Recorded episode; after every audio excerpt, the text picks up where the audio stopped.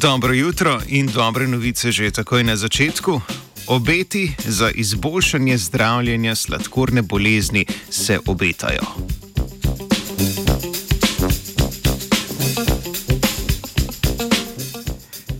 V današnjem znanstvenem Britofu predstavljamo dosežek ameriških in danskih raziskovalcev in raziskovalk, nedavno predstavljen v znanstveni reviji Nature Biomedical Engineering. Razvili so neke vrste zaščitni plašč iz molekul CBPEG, ki podaljša obstojnost hormonov inzulina in amilina v isti embalaži. Omogočil bi tudi, da bi z eno injekcijo lahko hkrati vnesli v telo sladkornih bolnikov in pa ustvarili njuno delovanje.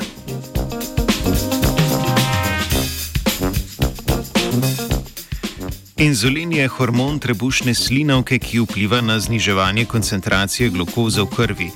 Delovanje drugega hormona trebušne slinavke, glukagona, je nasprotno učinku inzulina. Glukagon zvišuje koncentracijo glukoze v krvi.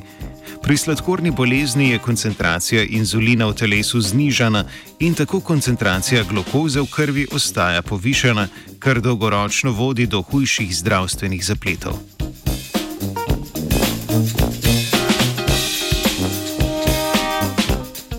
Manko inzulina pri sladkornih bolnikih torej nadomeščamo z dodajanjem inzulina. Slabše poznano pa je dejstvo, da delovanje inzulina dopolnjuje hormon amilin, ki vpliva na upočasnjeno praznjenje želodca, daje občutek sitosti in zavira izločanje glukagona po obroku. Z doziranjem obeh hormonov, tako amilina kot inzulina, bi v telesu sladkornih bolnikov vzpostavili stanje bolj podobno stanju zdravih oseb.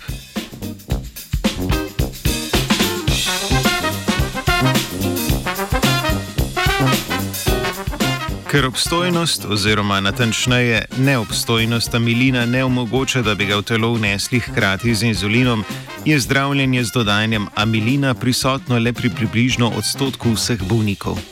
Ti morajo amilin v telo vnesti z dodatno injekcijo. Učinkovitost terapije z obema hormonoma zmanjšuje tudi razlika v hitrosti delovanja hormonov po vnosu v telo.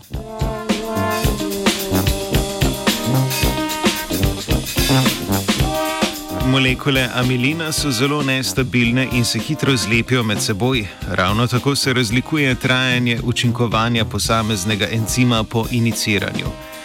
Hitro delujoči inzulin doseže maksimalen učinek približno eno uro po aplikaciji, njegov učinek pa traja približno 3 do 4 ure. Učinkovanje amilina običajno ne traja dlje kot 90 minut.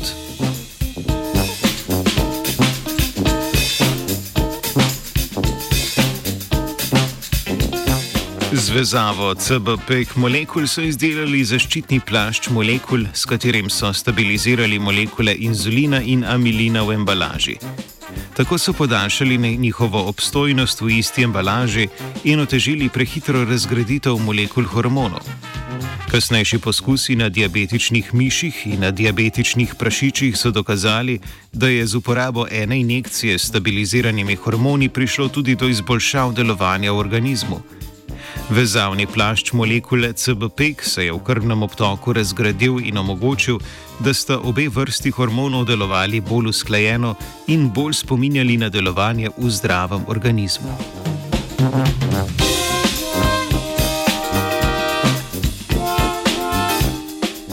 Raziskovalci in raziskovalke kanijo v prihodnosti raziskati morebitne negativne učinke, ki bi jih vnos stabiliziranih hormonskih molekul lahko povzročil.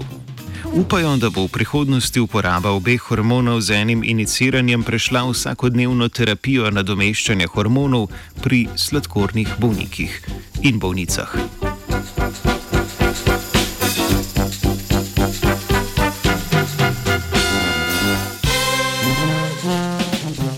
Uravnano oslajen z Britov je spisala Nataša.